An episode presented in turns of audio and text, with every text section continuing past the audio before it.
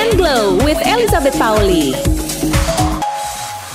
Hai good friend, kembali lagi di podcast Fit and Glow barengan sama gue Elizabeth Pauli yang selalu menceritakan atau memberikan informasi ya bersama narasumber tentang kesehatan, kecantikan, mulai dari skincare, cara hidup sehat lah, olahraga, atau cara merawat rambut, Pokoknya semua yang kamu butuhkan ketika kamu lagi pengen upgrade hidup kamu untuk menjadi lebih cantik, lebih glowing ataupun lebih sehat ya. Nah, it's time to talking about healthiness nih, good friends. Di mana kita itu yang di zaman pandemi kedua ini pasti selalu pengen ngerasa lebih sehat, lalu akhirnya kita merubah cara hidup kita menjadi lebih sehat dengan rajin berolahraga. Tapi yang namanya berolahraga itu ya good friend, kayaknya nggak bisa langsung tiba-tiba kamu yang tadinya nggak pernah berolahraga, tiba-tiba langsung dihajar intens berolahraga. Karena itu harus ada kayak tahapannya. Soalnya zaman gue dulu nih yang dulunya jarang banget berolahraga, tiba-tiba dihajar rajin berolahraga, itu badan langsung ya kayak bener-bener nggak bisa diajak kompromi, kayak uh, kaku banget dan um, ngerasa kok kayak nafasnya cepet habis, ngerasa lemah. Kalau misalnya dihajar langsung kayak gitu, ternyata jeleknya untuk kita adalah kita malah jadi kayak kapok berolahraga dan jadinya nggak pengen lanjut lagi. Padahal cara memulainya yang salah. Nah, lebih parahnya lagi kalau kita hajar berolahraga yang langsung intens itu nggak baik juga kayaknya ya buat kesehatan jantung kita. Nah, tapi uh, karena it's not my apa ya, bukan ranahnya gue lah untuk menjelaskan itu lebih detail lagi karena gue sekarang sudah bersama Dokter Dika untuk ngomongin hal ini nih. Halo Dokter Dika. Halo Mbak Babet dan halo good friends semuanya. Yeay, Dokter Dika happy banget nih hari ini ya. Oh, Udah harus selesai olahraga nih hari ini nih. Udah semangat ya kayaknya ya. Masih endorphin search namanya itu. Masih. Wih. Oh, endorfinnya meletup-letup. belum malam soalnya kalau udah malam endorfinnya udah menurun ya udah capek Iya. rahat tidur ya Ah, dokter. Dika sehat Alhamdulillah sehat. Mbak Babet sehat, Mbak? sehat alhamdulillah juga nih dokter Dika dokter Dika sekarang selama pandemi ini eh, kesibukannya ngapain dok Ya kita kalau misalnya dokter ya sama nakes sih semua sama, kayaknya nggak jauh beda ya. Maksudnya sebelum sama sesudah pandemi, bahkan mungkin dengan pandemi jadi lebih sibuk gitu kan. Cuman aku karena memang bukan di eh, apa seperti penyakit dalam gitu ya, lebih di olahraganya, mungkin memang tidak sibuk mereka yang di bangsal covid, yang di apa tempat perawatan pasien-pasien rawat inap segala macem. Hmm. Tapi memang sekarang itu kan banyak orang yang olahraga nih.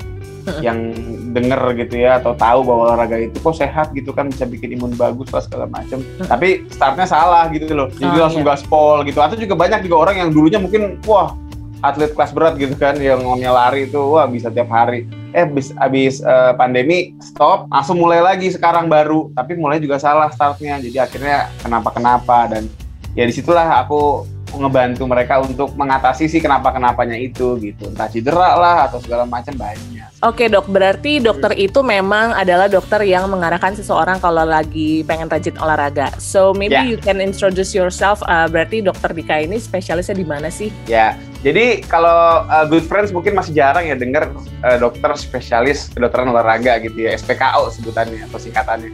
Karena kan banyak-banyak orang tuh dengernya SPPD ya penyakit dalam, SPOG ya objin atau SPBU ya itu pom bensin tuh bukan. nah itu itu ad, mulu. Ada lagi sebenarnya itu di SPKO spesialis kedokteran olahraga. Emang di Indonesia masih jarang sih. Se Indonesia Raya ini kayaknya baru seratusan kali se Indonesia ya. Kayaknya belum Oh, ya. nyampe 100. Hmm. Eh, jadi emang aku ini adalah dokter yang memang kita di olahraga sih eh, banyak mainnya ya. Entah itu yang memang sifatnya atlet-atlet profesional gitu ya. Mm-mm. Kayak aku juga di timnas kebetulan di timnas balap sepeda eh, apa namanya untuk menghandle mereka yang persiapan Olimpiade, eh, Asian Games, eh, Sea Games sampai PON segala macam juga. Eh, tapi juga sebenarnya aku juga turut membantu orang-orang yang tidak seatlet itu Mbak Babet. Jadi Oh. kayak mereka-mereka yang misalnya nih orang-orang kantoran yang demen lari kan banyak ya. Lagi banyak hits tuh apalagi sekarang sepedahan gitu kan. Orang suka eh, goes bareng. Eh tiba-tiba dengkulnya sakit atau pinggangnya sakit segala macam nah itu aku bisa ngebantu juga. Atau orang yang pengen misalnya nih obesitas. Pengen agak rampingan deh biar pinggangnya nggak makan tempat amat gitu. Nah itu aku bisa bantu untuk mengarahkan olahraga apa yang tepat untuk dia. Pastinya bareng sama gizi juga ya Jadi gitu sih, nggak cuma ke atlet kita, tapi juga ke uh, masyarakat awam sebenarnya. Bahkan sampai yang diabetes, hipertensi gitu pun, dok, saya ini punya riwayat hipertensi, saya tekanan darah tinggi, ngegas mulu gitu kan. Tapi pengen main pengen main tenis gitu dok sama uh, teman-teman komplek boleh nggak sih? Nah itu ada caranya. Nah itu yang hmm. aku bantu gitu. Oke. Okay mirip dengan dokter gizi tapi dokter lebih mengarah ke olahraganya ya biar betul nice. betul betul banget Nah, dokter tadi sempat bilang tuh orang kalau uh, dokter itu yang konsultasi eh, tempat berkonsultasi untuk orang yang tadinya eh, nggak uh, pernah berolahraga atau yang tadinya atlet berhenti bentar terus hajar lagi. Itu kayak semua ada seninya ya dok ya? Apakah itu sebenarnya salah satunya kenapa orang kalau yang tadi nggak pernah olahraga langsung dihajar terus tiba-tiba I don't know pingsan lah atau mm-hmm. kena serangan jantung lah apakah itu mm-hmm. sebabnya dok? Oke okay, jadi gini uh, yang namanya kita olahraga itu kan sebenarnya kita lagi maksa badan nih Bapak Bet ya kita lagi mempush ya tergantung sih ada orang yang olahraganya emang cuma uh, jalan-jalan centil gitu ya di komplek gitu kan. Oh, gue banget tapi tuh. Kayak, tapi tetap aja tuh olahraga. Cuman ada juga olahraga yang memang sifatnya berat, kayak orang lari lah atau olahraga-olahraga permainan yang memang kompetitif segala macam kan emang dia berat tuh. Nah, tubuh itu kan dia sebenarnya punya kemampuan keren gitu untuk beradaptasi namanya. Tapi butuh waktu. Jadi kalau misalnya kita bicara uh, kita olahraga nih gitu ya, kita mesti memilih dulu levelnya sesuai sama badan kita gitu. Jangan sampai kita baru mulai gitu ya. Kayak misalnya gitu deh, sekarang banyak orang-orang yang sepedahan gitu kan. Hmm. Yang namanya sepedahan itu kan dia uh, bergrup ya, apa namanya satu kelompok besar gitu kan rame-rame gitu guys. Sementara kan masing-masing individunya kan tuh beda-beda tuh. Nah, hmm. seandainya misalnya nih ada orang yang satu fisiknya nggak terlalu kuat, ditambah sepedanya juga nggak terlalu enteng. Nah, ini kan juga sepeda ngaruh ya kalau sepedahan ya. Hmm. Yang namanya sepeda itu kan semakin enteng sepedanya, semakin berat di dompet, ya kan? Nah, kalau dia emang nyata sepedanya nggak seenteng itu, tapi dia mencoba untuk mengimbangi teman-temannya yang mungkin lebih sehat dan lebih enteng sepedanya, hmm. maka ya tadi jantungnya mungkin belum sekuat teman-temannya gitu, hmm. fisiknya juga belum sekuat teman-temannya karena memang tadi dia belum belum beradaptasi baru mulai, sehingga karena dia memaksakan, jadilah hal-hal seperti itu sampai pingsan lah, apalagi sampai memang yang kita sering lihat nih ya beberapa waktu ke belakang sebenarnya nggak cuma beberapa waktu belakang ini udah udah udah banyak jadi sampai henti jantung atau serangan hmm. jantung Hmm. Jadi ya itu karena memang orangnya sebenarnya kalau aku ngeliatnya lebih ke arah belum mengenal atau tidak mengenal bahkan kemampuan dirinya sendiri. Terlalu sibuk membandingkan sama orang lain atau ngejar orang lain. Itu yang kadang-kadang uh, suka jadi ya masalah ya. Cara mencegah supaya kita nggak pingsan atau kena serangan jantung pas lagi olahraga adalah kita harus kenal dulu sama badan kita sendiri ya dok ya. Betul sekali. Jadi the first point itu kalau kita mau, oke, okay, gue mau uh, ikut program nih gitu ya, mau ikut uh, program latihan atau mau latihan sendiri juga bisa. Pokoknya mau membiasakan diri. Yang pertama adalah know yourself well. Itu udah paling penting. Ada dua komponen yang mau dikenalin ya. Ya apa namanya?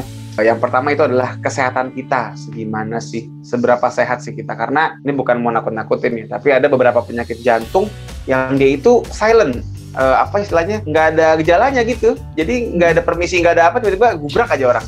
Itu yang paling ngeri sih menurut aku. Itu yang paling ngeri. Tapi sebenarnya ini bisa dicek sebetulnya bisa dideteksi dengan EKG dengan echo. Jadi sebenarnya kalau misalnya mau nih ya gitu ya orangnya bisa dulu. konsul dulu. Hmm, hmm. bisa MCU kan ada tuh beberapa kantor yang emang dia ada MCU-nya gitu kan yang rutin. Jadi dikerjain. Atau kalau misalnya memang nggak ada uh, apa namanya rezeki gitu lah ya bisa kita bilang uh, eh, MCU sebetulnya dengan konsul ke dokter pun bisa nggak perlu yang kan kalau MCU kan kita kayak dari ujung rambut sampai ujung kuku kaki kan kita diperiksa semua gitu ya kalau hmm, MCU ya. Dan itu ini emang dan itu emang harga lumayan ini kan. Iya lumayan tuh kan nah. buat apalagi buat anak-anak kosan gitu ya, itu bisa buat upgrade kos itu. Nah itu itu sebenarnya nggak harus begitu juga gitu. Dengan kita ngecek ada beberapa simple simple exam gitu lah ya yang bisa kita hmm. kerjakan gitu ya tanpa harus mahal-mahal juga bisa sebenarnya ke dokter. Cuma sekedar tanya kayak gimana? Kamu ada keluhan ini enggak jantung uh, dadanya suka sakit enggak kemudian uh, pernah pingsan apa enggak? Kemudian ada riwayat keluarga apa enggak yang meninggal mendadak? Cuma diajak ngobrol gitu dong bisa kebaca sebenarnya ya ditambah-tambah dikit. Oh, tambah dikit pakai EKG lah. EKG juga paling berapa sih? EKG di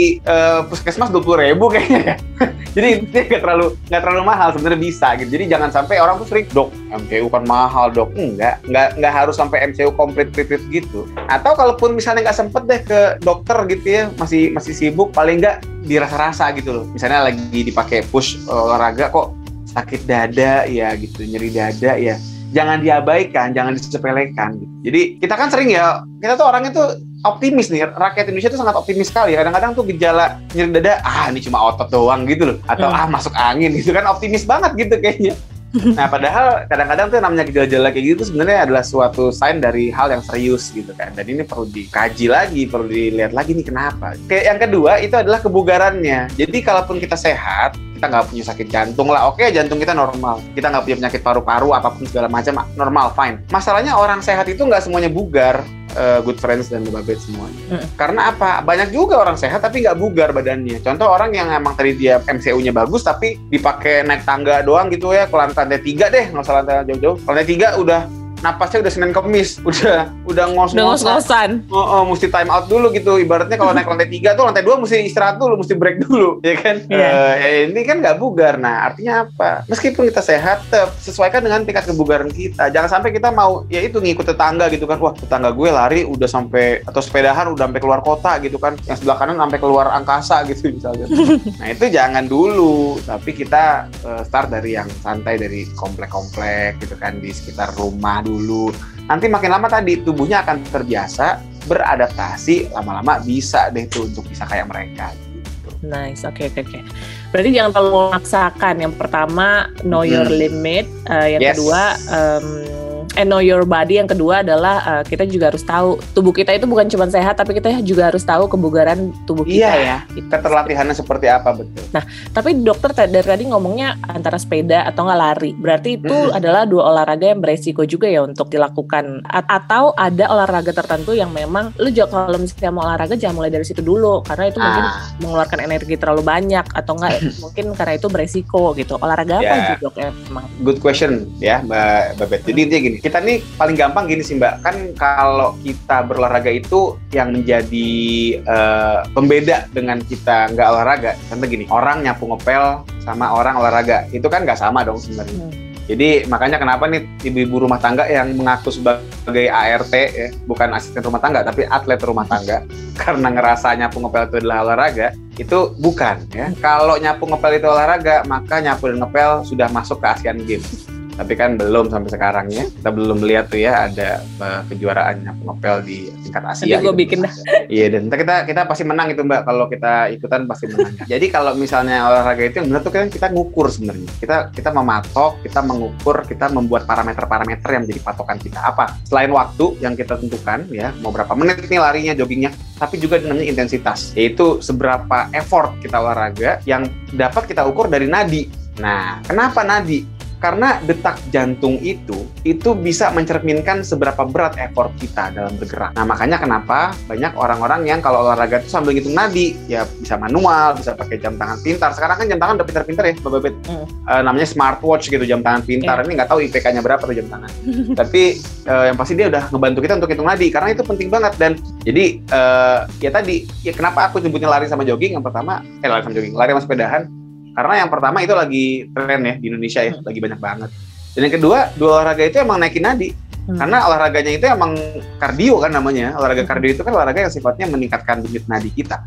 Dan meningkatkan tadi, kalau denyut nadi itu kayak heart rate gitu ya dok? Iya, iya denyut heart itu kan bahasa bahasa Inggrisnya. Oh. Bahasa Indonesia denyut nadi. Kalau bahasa Sundanya naonnya? Lu nggak tahu saya. Nah, jadi kalau kalau tadi bicara dari segi uh, olahraga itu kan emang ada ada kardio, ada strengthening ya, main otot kayak ke gym gitu. Itulah orang bilang mah ya. Uh, apa namanya gedein otot segala macam. Ada yang kayak yoga, yang kelenturan gitu. Nah, kalau bicara yang paling berisiko mana untuk jantung ya jelas yang kardio, karena apa dia meningkatkan oh, kardio meningkatin nadi kan.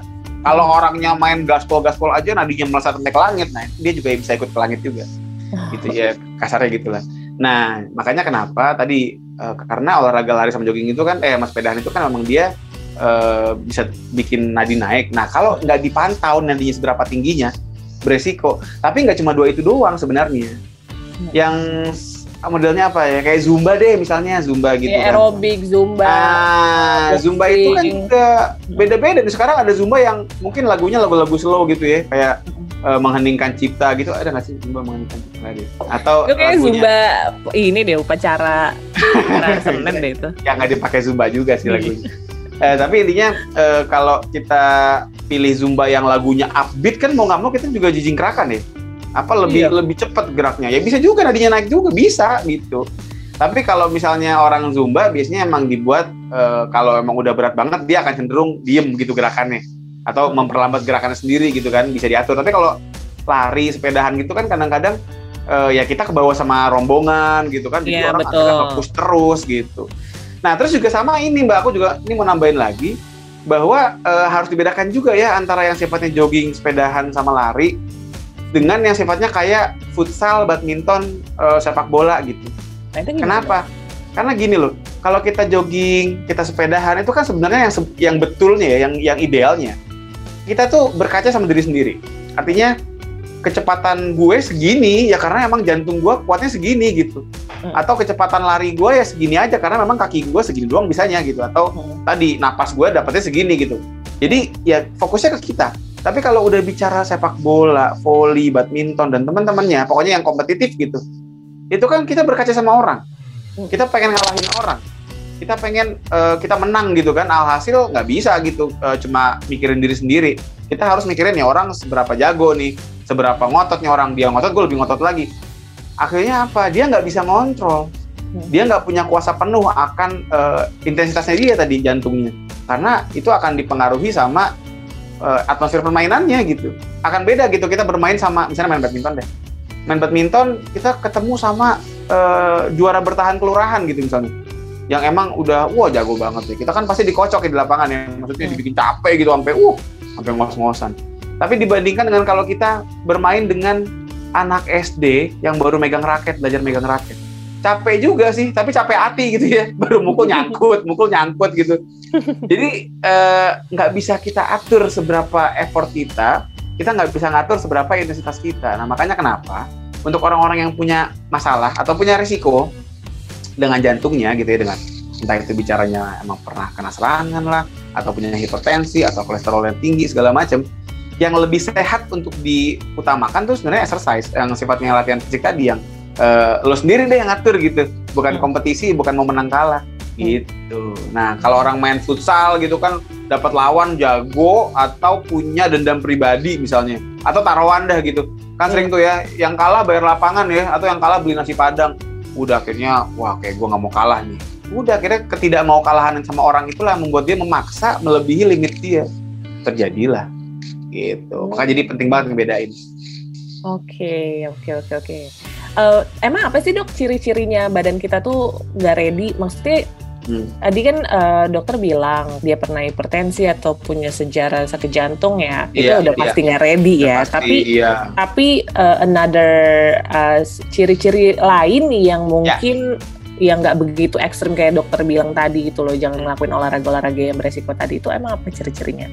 Oke, jadi ciri-cirinya bukan berkeperawakan tinggi sedang enggak enggak gitu ya, rambut hitam enggak ya.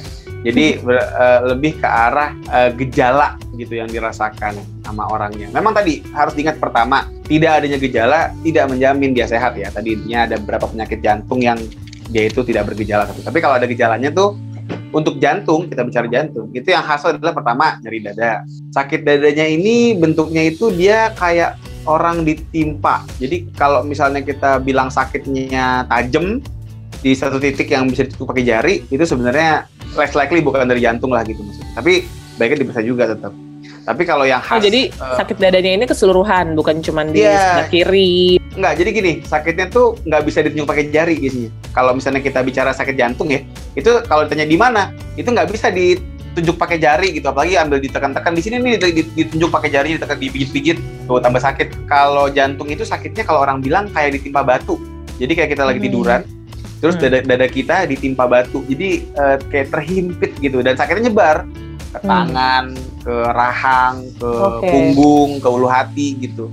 Sakitnya nyebar atau juga ada ini eh, blackout ya blackout itu bukan girl band Korea ya Eh, Itu Blackpink ya, kebetulan oh, ya? sorry sorry udah ganti nama deh nah jadi blackout itu kayak tiba-tiba gelap aja gitu geng, gitu kan lagi misalnya lagi jalan nih lagi jalan tiba-tiba deng pandangan gelap gitu Hmm. itu bukan token PLN yang habis sebenarnya ya jadi jangan kecuali ada bunyi nit nit nit gitu ya Ini anak kosan pasti paham nah itu itu eh, apa namanya lebih karena jantungnya itu pompanya mendadak nggak efektif ke otak sehingga akhirnya otaknya jadi jadi blackout gitu jadi jadi nggak dapet alir, kayak- nggak dapet darah ya, nggak dapet darah, darah. Hmm. atau bahkan tiba-tiba pingsan nggak cuma blackout tok jadi Hmm. lagi lagi jalan gitu biasa "Dah, tiba-tiba bangun-bangun di UGD gitu atau di rumah hmm. lah atau dibawa ke rumah gitu kayak gitu. Jadi uh, itu hati-hati itu juga bisa jadi sentri jantung. Kemudian juga suka ada rasa kayak ngap nggak jelas. Ah kok cuma jalan dikit doang kok tiba-tiba ngap banget ya gitu loh. Hmm. padahal juga nggak dapat nggak baru dapat WhatsApp dari mantan gitu. Loh, kok, uh, uh, kok ngap? Nah, itu bisa juga. Atau kok rasa suka berdebar-debar gitu rasa kayak yeah. Iya. gitu kan. Atau nggak beraturan nadinya hmm. sama tadi kalau kita kan gejala ya. Sama juga sebenarnya ada sih bukan gejala tapi lebih ke arah uh, precaution. Kalau kita punya kerabat yang meninggal mendadak di usia muda itu juga precaution.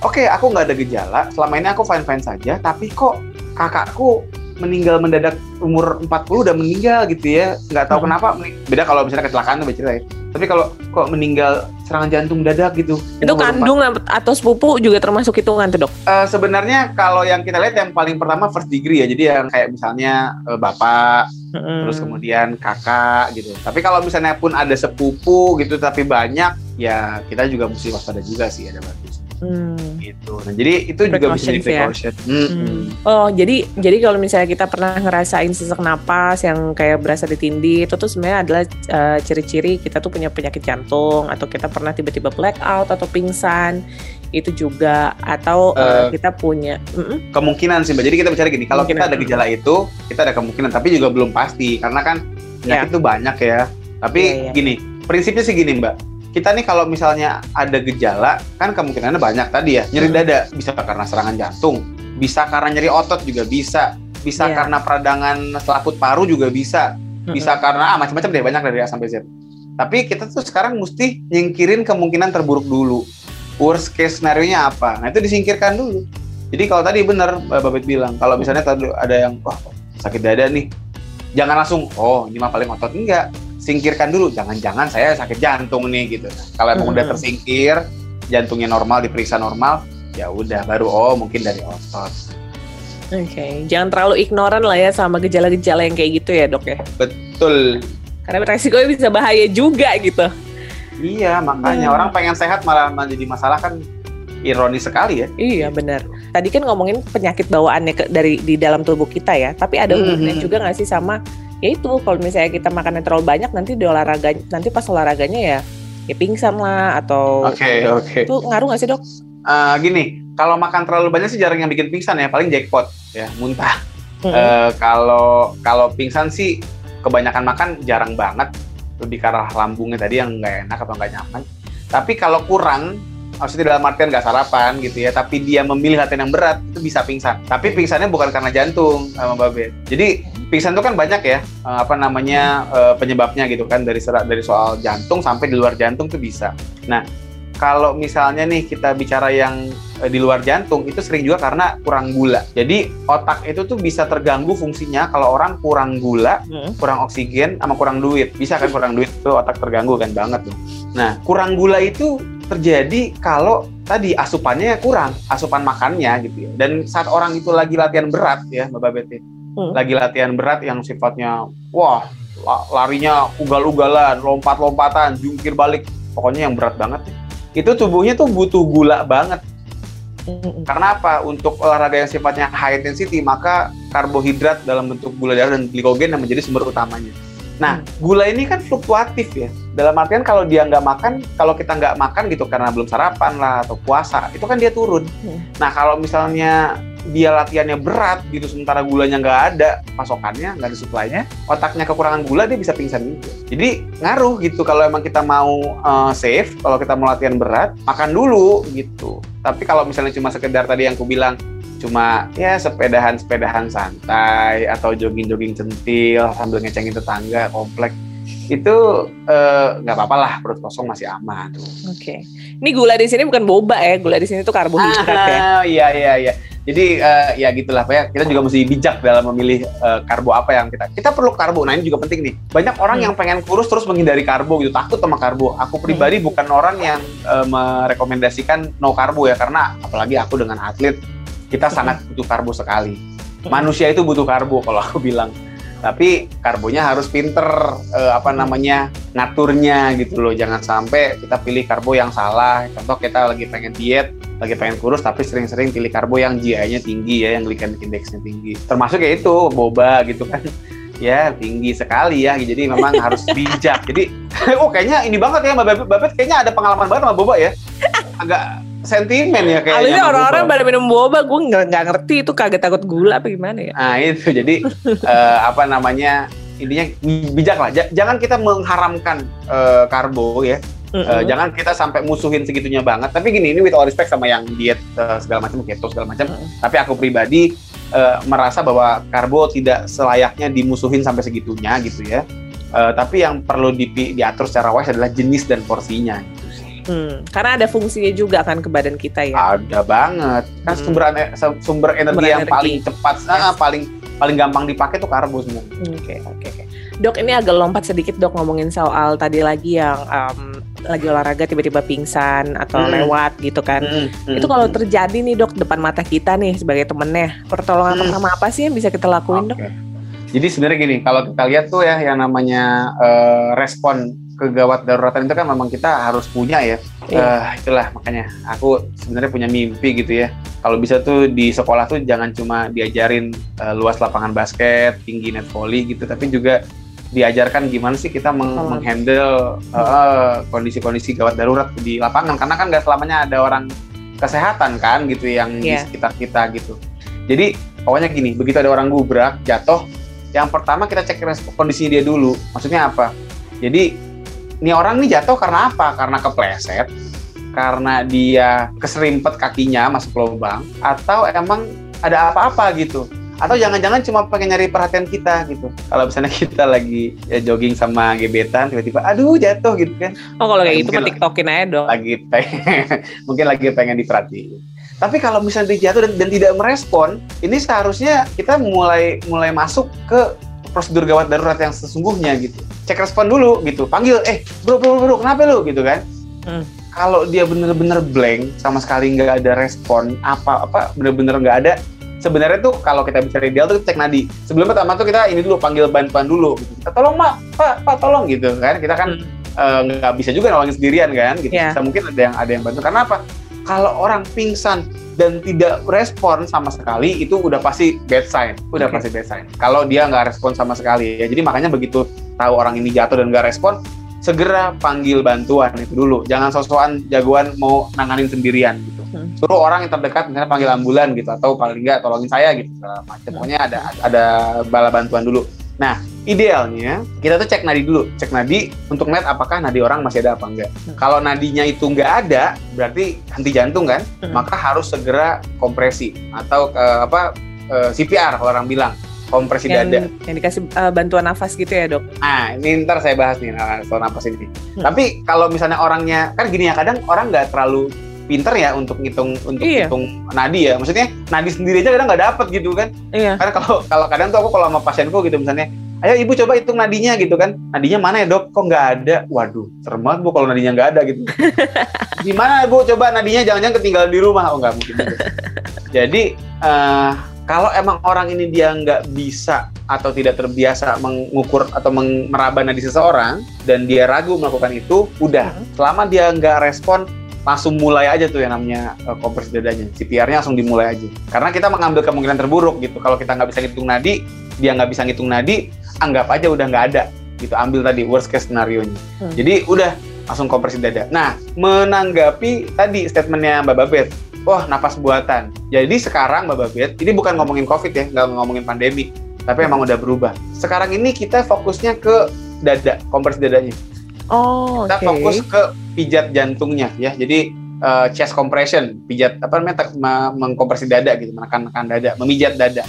Itu kenapa? Karena ternyata setelah di riset nih, setelah dilihat susah gitu kita mau ngitung apa ngasih napas buatan. Sementara yang terutama penting adalah bagaimana otak itu tersuplai dengan darah dulu gitu. Hmm. Yang suplai darah kan jantung. Nah, hmm. kalau jantungnya nggak berdetak, ya kita detakin dari luar gitu loh maksudnya. Jadi kita bantu dengan kompresi tadi, kita tekan-tekan dari kita kita kita apa pijat jantung lah. Hmm. Atau ya itu penekanan pada dadanya. Itu juga ada tekniknya kan, Dok? Nah, itu dia. Itu yang tadi aku bilang seharusnya ya kita diajarin sih, itu dari kecil diajarin ya, dari sekolah. sekolah gitu loh maksudnya dari SMA ke SMP kayak gitu hmm, maksudnya. Karena emang nggak nggak cuma apalagi sekarang di TV kan banyak ya di film-film sinetron gitu ya adegan kalau ngeliat di TikTok ngeliat di Instagram kok nelongso gitu ngeliat orang pijet jantung kayak lagi nyekek atau kayak lagi ngelus-ngelus doang gitu jadi uh, ada tekniknya gitu tekanan hmm. sedalam apa kemudian juga berapa kali per menit tekanannya itu tuh ada caranya hmm. Iya iya, aku pernah lihat. Itu sesimpel belajar dari YouTube juga nggak bisa tuh dok. Kalau mau belajar dari YouTube sangat silahkan banget. Itu better than nothing ya kan. Maksudnya paling nggak tahu nih lokasinya di mana di tengah-tengah dada ya, bukan di perut, bukan di leher, bukan di tempat lain lah pokoknya. Nah itu uh, paling nggak tahu lokasi di mana. Kemudian juga tahu kira-kira secepat apa sih dan sedalam apa ya paling nggak ada gambaran lah. Meskipun emang kalau kita mau bicara yang bener-bener ideal tuh sampai kita nyobain sendiri ke manekin gitu ya dibuat untuk langsung nilai gitu. Udah pas belum nih tekanan segini udah pas belum kecepatannya segini itu bisa. Tapi hmm. tadi minimal banget boleh deh dari YouTube coba dilihat biar ada gambaran. Soalnya kalau kita salah ngasih juga resiko atau mungkin nothing happen aja. Hmm, kalau salah gini antara eh, nggak uh, berefek apa-apa jadinya karena kurang dalam misalnya karena kurang hmm. kuat tekanan dadanya kurang kuat ya nggak ada efek apa-apa maksudnya ya nggak sama aja kayak nggak ditolongin gitu maksudnya kalaupun kekerasan paling patah tulang dadanya. Oh. Tapi ya mendingan patah nggak sih daripada jantungnya berhenti total gitu. Patah tinggal dioperasi kan beres gitu ya istilahnya ya kasarnya. Tapi yeah, kalau yeah. misalnya kita bicara sampai jantungnya berhenti, karena ini kan singkat banget ya. Iya. Otak nggak nggak dapat darah tiga oh, menit udah. selesai. Yes. Cuma tiga menit loh. Jadi makanya kenapa itu kita tuh bener-bener butuh yang namanya fast response. Mm -hmm. Jadi semakin cepat itu kita makin makin makin besar kemungkinan berhasilnya. Hmm. Kalau makin ke delay, makin lama, apalagi pakai didudukin segala, digambar-gamparin dulu kan gitu ya. Hmm. Orang kita kan kalau orang pingsan kan didudukin, ini salah banget. Ini sebuah blunder yang luar biasa. Karena orang pingsan, otaknya kan lagi nggak dapat darah cukup gitu kan. Hmm. Begitu didudukin ya makin gak dapat darah lah yang namanya hmm. gravitasi kan darahnya makin malah gak yeah. ke otak kan gitu. Makanya hmm. jadi udah mana tadi kita juga malah membuang waktu dengan menggampar-gamparin muka, dengan mukul-mukul tangan. Lewatlah tiga menit itu. Hmm. Nah, hasil ya udah, makanya susah. Nah, makanya kenapa tadi harus cepat dan harus benar. Hmm. Well noted banget tuh emang kayaknya perlu ya uh, kita dari dari muda udah diajarin hal-hal seperti itu ya supaya kita bisa jadi pertolongan pertama orang yang tiba-tiba pingsan yeah. karena jantungnya berhenti ya. Tuh supaya tidak didudukin dan tidak juga langsung dikasih teh manis. Nah ini juga penting banget ini. Oh itu. Banyak wah banyak orang gini loh salah banget ya kalau emang dia. Harusnya apa air putih? Uh, ping. Ntar dulu mbak kalau orangnya bangun eh apa orangnya pingsan jangan dikasih minum dulu Oh gitu. Kan suka, iya dong. Nanti kalau dia malah masuk ke paru-paru kan malah jadi ini dia uh, aspirasi namanya. Ini aspirasinya bukan aspirasi rakyat ya, tapi aspirasi cairan ke paru-paru gitu. Atau uh, apa namanya masuk ya paru-parunya basah jadi ya. Itu malah bahaya, malah malah tadinya mungkin apa jadi nggak apa. Makanya kenapa orang tuh kalau misalnya pingsan, jangan hmm. dikasih minum sampai dia sadar, sampai bisa ngobrol sama kita, sampai emang kelihatan nyambung baru kasih minum sampai normal dulu napasnya oh, gitu ya dok oh. iya, apalagi iya, ya iya. gitu bahkan sekedar gini ya kalau aku bilang nih mohon maaf nih kalau agak-agak uh, apa namanya frontal istilahnya sistem sekolah kan ada namanya UKS sih. Iya. UKS UKS aja kan udah dari namanya kan unit kesehatan sekolah. Nah itu kan harusnya kan menjadi satu center yang uh, menjadi pusat informasi yang benar. Informasi yang benar dan juga pusat penanganan yang benar terhadap segala bentuk kesalahan medis atau uh, kondisi medis gitu kan. Betul dok, betul. Tapi eh, sering banget tuh, mm -mm. iya sering banget tuh yang namanya orang dikasih teh manis pas pingsan tuh di UKS justru. Iya bener. nah itu loh makanya ya, Aduh. ya itu karena kita kurang ya masih kurang sekali edukasi. Dok bikin dong dok konten soal itu. Udah udah sering sebenarnya, tapi kan kalau konten kan yang nikmatin cuma orang yang main Instagram. Iya. Tapi kalau sekolah kan semua orang nyicipin gitu harusnya di sekolah dong. Nah dok, emang apa sih faktornya? Uh, tadi kan kita ngomongin soal orang yang uh, terkena penyakit jantung pas lagi olahraga. Mm-hmm. Apa sih dok faktornya yang bikin uh, kita tuh udah rajin olahraga tapi malah masih kena penyakit jantung gitu? Mm-hmm. Cara gaya, Jadi, gaya makan, cara makan apa atau gimana? Iya. Jadi yang namanya jantung itu sangat penyakit jantung maksudnya sangat erat hubungan dengan lifestyle, dengan gaya hidup. Dan bicara gaya hidup itu nggak cuma soal olahraga, tapi juga bicara bagaimana kita makan, bagaimana kita tidur, sampai bagaimana kita mengelola stres. Karena orang-orang yang oke okay deh olahraga, rajin kok rutin sesuai porsinya, tapi demen begadang, walau tak ada artinya ya kalau kata Bang Roma kan nggak boleh. Nah itu uh, tetap bisa gitu. Apalagi misalnya dia ngerokok juga. Karena benar tuh ya orang olahraga olahraga tapi ngerokok juga. Iya. Atau makannya nggak dijaga, ya kan jogging tiap hari, tapi pulang jogging mampir ke warung Padang, makan gulai otak pakai bumbu rendang, minta dibanyakin bumbu rendangnya. nah itu kan, nah mantep dong. Kolesterolnya naik lagi nah, tuh. mantep dong. Jadi gitu, nah makanya kenapa uh, olahraga sendiri tuh nggak bisa dibuat, oh pasti aman nih, enggak lah. Karena tadi makannya gimana, ngerokok apa enggak, tidurnya cukup apa enggak, faktor stresnya gimana jangan sampai olahraga iya udah dijaga makan juga udah pinter-pinter dijaga tapi stres orangnya baper orangnya tuh cemasan sama hmm. juga bohong jadi memang harus diseimbangkan semuanya gitu loh hmm. semua faktor kayak hidup itu itu Oke. Okay. itu kan faktornya ya dok ya hmm. tapi kalau porsinya sendiri kita bisa jaga tuh porsi olahraganya sendiri oke okay. jadi kalau hmm, jadi kalau porsi itu ya kita memang sudah dikasih rekomendasi umum nih Bapak ya. Jadi ada satu rekomendasi umum loh ya. Umum itu kita disarankan mencapai 150 menit olahraga dalam satu minggu. Nah, okay. ini ini sebenarnya kita akumulasi. Jadi jangan dicicil, eh, jangan itu, jangan dibayar kontan. Karena banyak orang yang bayar kontan gitu ya, bayar cash gitu kan, sombong banget gitu tentang bisa cash. Kita cashin aja dok, dua jam setengah gitu ya mungkin bisa aja kalau pakai bicaranya waktu bisa gitu. Contoh misalnya gini orang-orang yang CFD-an. Kan 150 menit itu kan dua jam setengah ya. CFD, wah dok, saya ini kalau CFD tiap minggu itu bisa sampai tiga jam dok CFD-an. Oh iya item-item deh tuh. Tak dulu, ini CFD-nya ngapain dulu gitu. Mungkin larinya atau joggingnya hmm. setengah jam, sisanya selfie sama nyari bubur. Kan seringnya gitu, ya kan? Nah, yeah jadi uh, apa namanya kita jangan dicicil eh, jangan dibayar kontan tapi dicicil gitu. Jadi kalau bisa tuh di spread artinya apa? Kalau bisa dalam seminggu tuh minimal gitu tiga kali dalam seminggu. Kalau kita bikin tiga kali berarti kan kalau kita mau ngejar tadi si 150 menit berarti 50 menit cukup kan? Yeah. satu kali latihan setengah sejam deh buletin. Mm-hmm. apa namanya udah dapet gitu. Jadi ini ini angka 150 ini dia angka yang minimal ya. Lebih mm-hmm. boleh kalau emang mampu. Nah kalau kita bisa bikin lebih sering misalnya tiap pagi dia sempetin ya lima kali lah seminggu gitu misalnya. Cuma setengah jam lima kali 30 udah dapat 150 menit ya kan? Ini pun juga kalau kita mau bikin misalnya nih uh, agak lebih menantang gitu ya. Itu tuh barusan tuh aku kasih yang angkanya untuk latihan yang sedang latihan yang santai lah jadi bilang yang nggak terlalu capek. Tapi kalau kita orang yang termasuk uh, apa namanya uh, cukup me, cukup sehat satu. Dan kedua emang senang olahraga yang agak-agak uh, high intensity itu bisa cuma 75 menit di courting separohnya udah cukup. Jadi uh, tadi kita punya angka segitu cuman ini kalau mau lebih boleh nggak dok? Asalkan mampu boleh. Kalau kurang gimana? Nah kalau misalnya emang kita baru mulai tadi kan nggak terlatih gitu ya Mbak Babet ya. Misalnya yeah. emang baru mulai bisa kita uh, kaum berbahan nih kita uh, apa namanya biasa mager di rumah nonton drakor ya kan panjang hari maraton atau ikatan cinta deh gitu ya biar ya doang.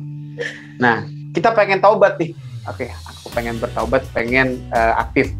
Tapi bisanya dok paling tiga kali seminggu aku mentok-mentok 20 menit dok nggak, nggak kuat kalau sejam tuh udah ngos-ngosan banget pasti. Berarti kan tiga kali 20 baru berapa tuh? 60 kan? 60, iya. Tiga kali 20 menit baru 60. Itu gimana tuh defisitnya kurang nih dari si tadi 150 kan masih kurang berapa ya? 90 kan? Mm-hmm. Apakah 90 itu dirapel di minggu depannya? Oh tentu tidak. Jadi biarkan saja kita kita lakukan apa yang kita mampu dulu. Karena memang kuncinya itu adalah kita membangun habit dulu, Mbak. Mm. Kita olahraga itu kalau mau mulai gitu ya, itu pengennya dibawa sampai nanti ke akhir hayat kita. Artinya apa? Konsistennya selamanya konsisten ya, Konsisten selamanya sampai tua tuh masih. Makanya kenapa yang benar tuh jangan sampai kita start langsung pengen buru-buru. Oh kata dokter Dika harus tiga kali satu jam. Oke okay, hmm. latihan lari sejam. Kapok pasti kalau baru mulai segitu iya iya iya. Karena Mal apa? terlalu capek dan gak enjoy gitu. Lakukannya dulu apa yang apa yang kita mampu apa yang kita suka. Walaupun nggak nyampe itu angka 150 menit tapi nanti bisa diprogres pelan-pelan. Misalnya hmm. sekarang tiga kali 20 menit nggak apa-apa. Tapi pasti kalau dia sehat dan dia rutin ngerjainnya tubuhnya akan tadi beradaptasi pasti hmm. bisa tuh minggu depan atau dua minggu lagi. Nggak 20 deh 25 gitu misalnya. Ya. tiga kali 25 udah 75 udah lebih mendekati. Yeah. nanti bisa tiga kali 30 udah 90 nanti bisa nambah lagi mungkin satu hari empat empat kali seminggu gitu kan. Kali tiga puluh udah 120 120. minggu depannya lagi nambah ya gitu loh. Kita bikin pelan-pelan sampai akhirnya nyampe. Tapi intinya adalah kita nikmatin perjalanannya.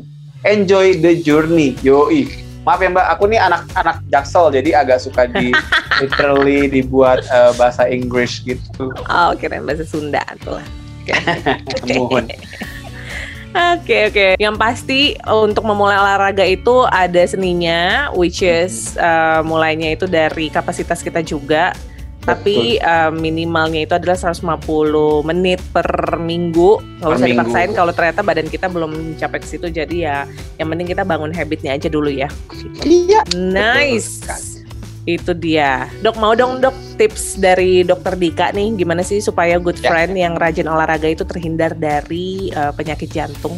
Oke, yang pertama tadi ya, kenali diri kita dulu. Kalau misalnya emang kita mau check up, bagus. Kalau kita mau medical check up juga, ya kalau emang ada rezekinya silahkan banget.